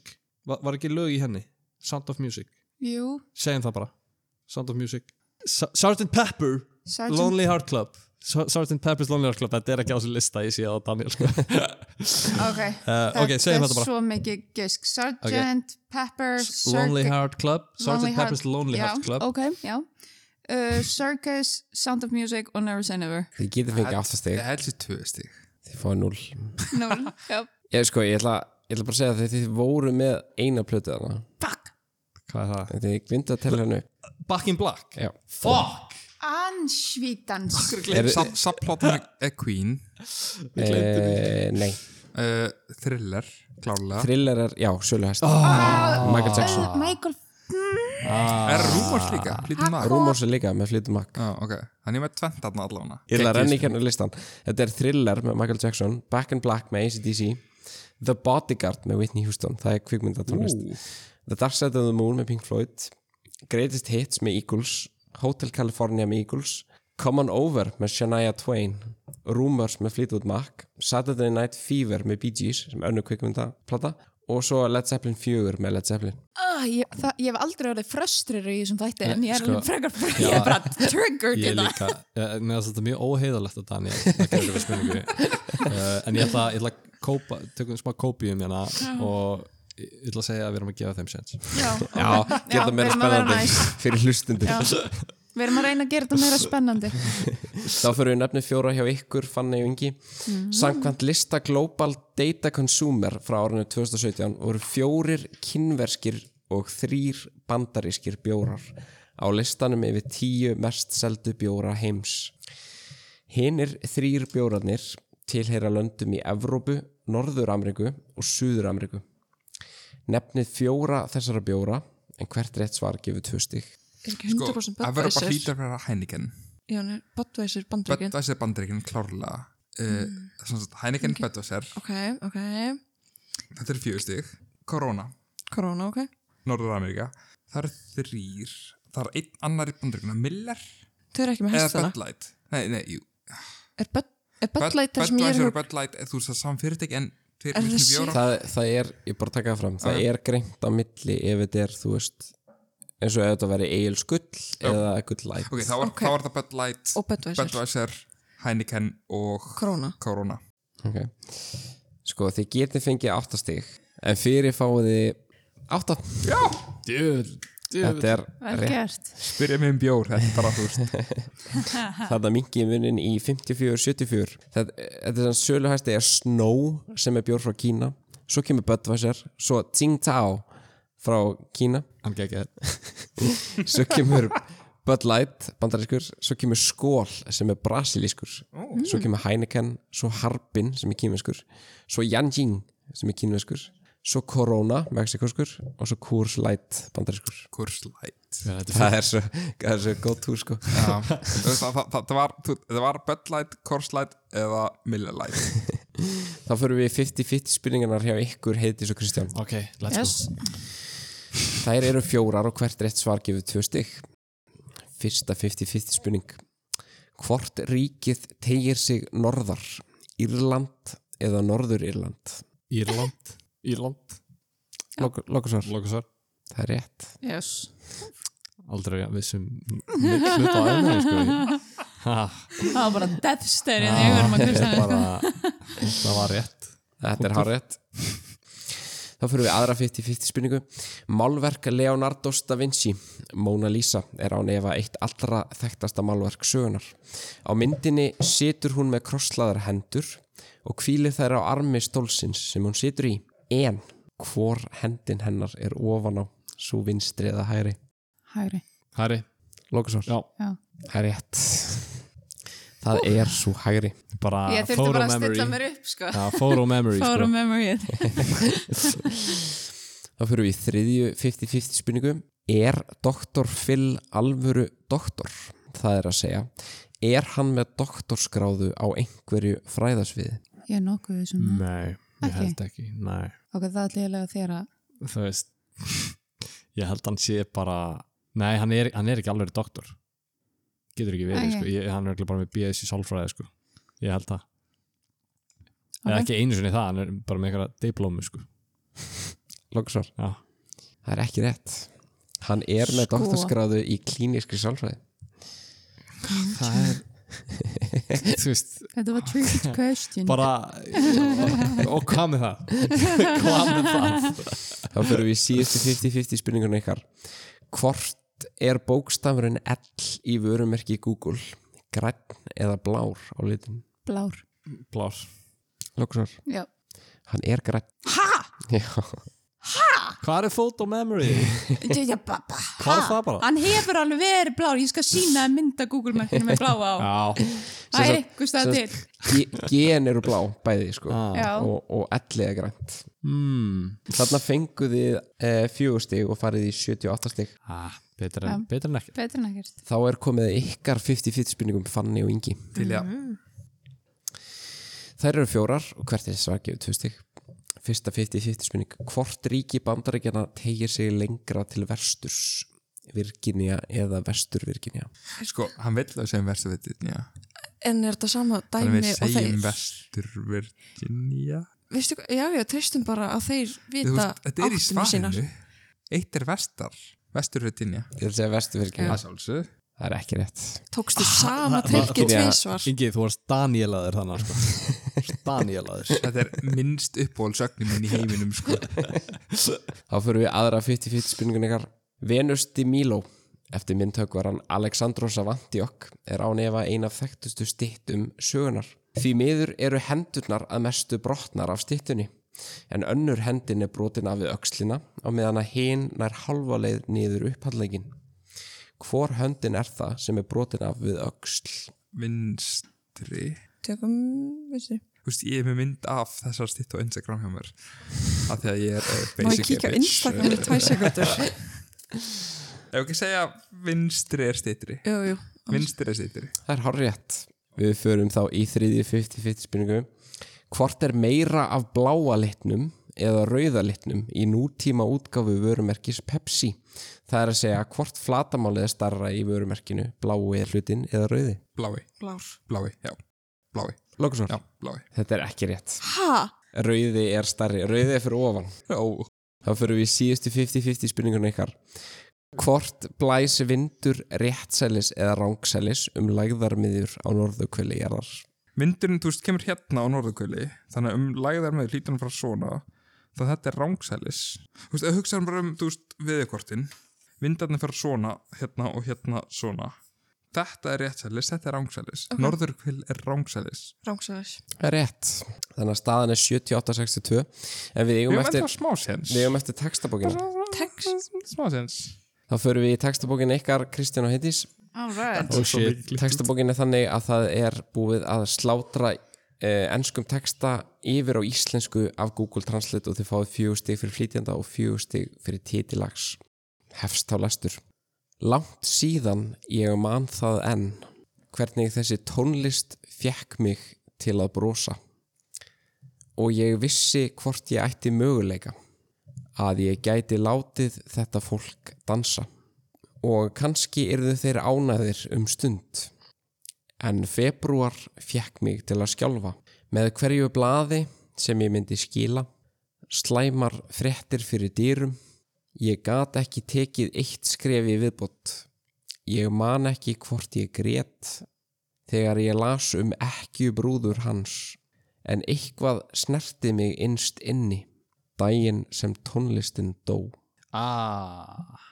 Ú, já, já, já Ok, hvað er þetta? ná- Flytjandi og og lag Það er America Pie Hann Um, Goodbye, goodbye, Miss Já. American Pie Af því Já, February jú, jú, made me jú. shiver Já, En ég man ekki hvað gaurinn heitir En gaurinn, hann heita shit Þetta lag, bara lagi kom En gaurinn, Um leið og sagði hérna, hérna The Day the Music eh, já, The hérna, Day the Music Died og líka February made me Já. shiver uh, En gaurinn, sko Nei, þetta er ekki að vera að koma, sko Ég ekki bara, ekki bara segja American Pie og John Mohammed Það eru fjög stygg. Þetta er American Pie en þetta er Don McLean. Ah, Þarna farið í 82 stygg og þá er komið að textabókinni ykkar, Ingi og Fanny. Bring it Þú færð hroll í myrkrinu. Það rignir í garðinum en á meðan, sunnan við ána, stoppar þú og heldur öllu. Hljómsveit er að blása í Dixie, tvöfalt fjóru sinnum. Þér líður vel þegar þú heyrir tónlistina ringja. Jæja, núna stígurðu inn en sérð ekki of mörg andlit. Þegar þeir koma inn úr rigningunni, heyra þeir djassin fara niður. Samkeppni á öðrum stöðum, en hornin sem þeir blása þetta hljóð. Áfram söður, áfram söður, Londonbær.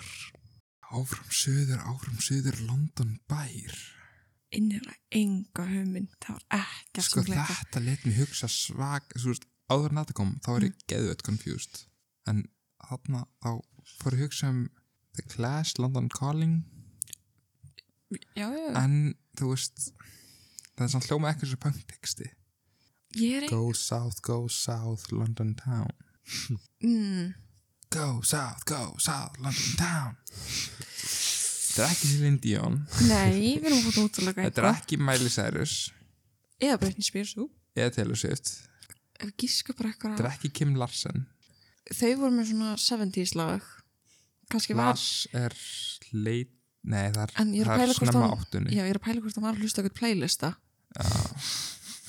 það er svona mín Daniel er meira basic bitch, bitch en hún heldur sko. Hann þannig er, Mm. hann hefur verið að hlusta okkur svona þetta er spottum seven- við rap hjá honum eða eitthvað svo leið sko. ú, reyndar en getur Já, ég þarf að fara að fá Oh, svar. ok, bara, uh, ég bara gíska á London Bara, þú veist, London Calling, The Clash ekki, Þú veist, er það eitthvað Mér annars dettur þetta er ekkert í hug Nei, það er ekki rétt. Nei, ég Þetta er, veit. þetta er The Sultans of Swing með Dire Straits. Ég hef aldrei hýrt það Alltaf var að segja það ekki Ingi grefur andlitið í örmum sér. þetta er þetta getur verið bara eitthvað renaissance painting hérna á hann um yngan hann, Þetta er er- bara- hann er Vopnir. þjáning sko. Mál er, ég hugsa þetta á hann og bara, ekki, nei, þetta er ekki það En var samt alveg svona, ég- þetta var alltaf í back of my mind Já, staðan er þá 82-62 fyrir heitis og Kristjáni.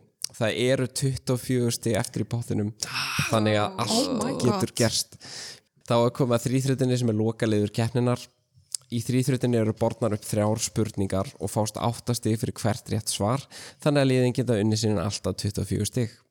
Í þrýþröðinni er alltaf eitthvað þema, í síðasta þætti var það Afrika, en að þessu sinni er þemað epli. Áhugavert. ok, Fyrsta spurning í þrýþröld Apple er líklega verðmætasta epli heims Apple hefur í gegnum árin komið með nýjar og spennandi vörur sem hafa hrist verulega upp í ráftækjamarkaðinum og mætti þar nefna dæmi eins og iPhone og iPod En hvaða ár kom allra fyrsti iPodin út?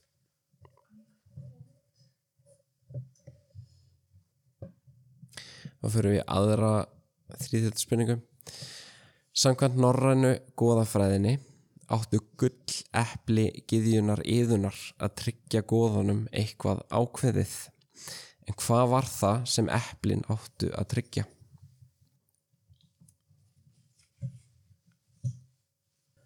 Svo fyrir við í þriðju, þriðju spurningu. New York borg er stundum kölluð Stóra eplið en borginni er skipt upp í fimm minni hverfi. Bronx, Brooklyn, Manhattan, Queens og Staten Island. En hvert þeirra er fjölmennast? Gjör svo aldanil förum í fyrst spurninguna þau vorum að spyrja um Apple uh, hvernig þið lansiðu fyrsta iPodinum uh, bæði liðið sé að 2002 en rétt svar er 2001 þá fyrir við, 2001. þá fyrir við aðra spurningu í þrýþrött uh, það var spurt hvað áttu gulleplinni norrænu góðafræðin að gefa góðunum uh, Ingi og Fanny segja visku Kristján heiti segja eilift líf Kristján heitis voru aðeins nær en hvort hliðið með þetta, þetta er eilif æska oh. Og þriða spurningin, hvert er fjölmennasta hverfið í New York? Bæðilið segja Brooklyn og Brooklyn er rétt svar. Þetta þýðir það að bæðilið fá 8 stig sem þýðir það að leikar enda 90-70 fyrir Heiðdís og Kristjáni. Fyrsti sigur mér hérna, takk fyrir En uh, Fanney og Ingi, þeir stóðu ykkur heitilega. Já, Mm. bara takk fyrir uh, að koma hingað í þetta fallega stúdíu Já, takk sem leiðis. Já Bara það var gekkja lið Lakið til að keppa aftur með Fanny Já, tím grannir. nágrannar, sko. Granni grannar, þetta var gott lið Já. Bara að gefa okkur aðeins öðul til að anstæðinga næst Og fleiri fugglarspunningar. Já, fleiri fugglaspinningar Sko, ég, er Mikið bara, fleiri fugglaspinningar ég er ánægð með heiði hann sko. Já, bara, bara, þetta er rosalegt sko. the, the photo memory það fór, Vá. já Það bjargaði okkur alveg nokkru sinnum Ah. sko. samtal svona 50 stig sko. Lámark. en, en hvort er það Heiðjón eða Kristís? Ég- ég hallast að heiði hann sko. Já. en, en það, það er bara Bæ, bæði grjótart, sko. það er bara, bara Af grjót hverju spurði þið svona mikið um popkúltúr, bíómyndir og svona dót? Og Þú veist að ég veit landafræði. ekki Þú þarf bara að fara að horfa Já, kætti minn Og þetta bæta við þessari, þessari fjörðu mynd við þessar þrjár sem þú séð. Hvað mynd er það? Nefndi eina mynd, ég skal horfa á hana aftur Ingi, það er bara heimanám farið bara- Undefeatable Ég finn að þú ert tipsi Horða á Undefeatable Voru ekki einhverju vinið þínir, Kristján sem Jú. að horfa á Tamiya and the Jú, T-Rex jú, jú, ég, það er, já, einhverja vinnir sko, sem, nok Til nokkra vinnir hamingju. sko, sem bara horfðu allir á Tammy and the T-Rex Það er grjótart Og- Sjátt á þetta vini Kristjáns Já, og hérna sko, ég, ég vil bara segja við Inga að ég, þetta er, ég, ég vorkenni þér sko ég vorkenni þér Ingi þú, þú þarf bara að fara að opna IMDb top 100 horfa okkur einustu mynd í röð Ég sé þér á þar Það er samt Fyrstu, efstu þrjár Ingi, Doctor's Orders sko Ég sé efstu þrjár En já, Þetta En var þetta er geggjað bara þáttur frábær þáttur þetta er búið að vera úksleika Bara takk hérlega fyrir kæru keppendur og takk fyrir hlustendur Bara úrslitin. sjáta á gæjan sem mann Hvað heitir Já, hann? Eitthvað? Sig- Sigurður Hamingju. Karl. Ég er Sigurður mjög Karl. öfundsjúk. Sigurður hvað? Karls Sigurður Karl Já, til hamingi sigur Til hamngi sigi Bara njóttu vel og gerðu eitthvað gott úr þessu Ljótti sigliferða Takk hérlega fyrir góða hlustendur munið að deila podcastinu og uh, fylgi okkur á Instagram og Facebook ef þið eru ekki búin að einu þegar bara takk fyrir og við sjáumst í næsta þætti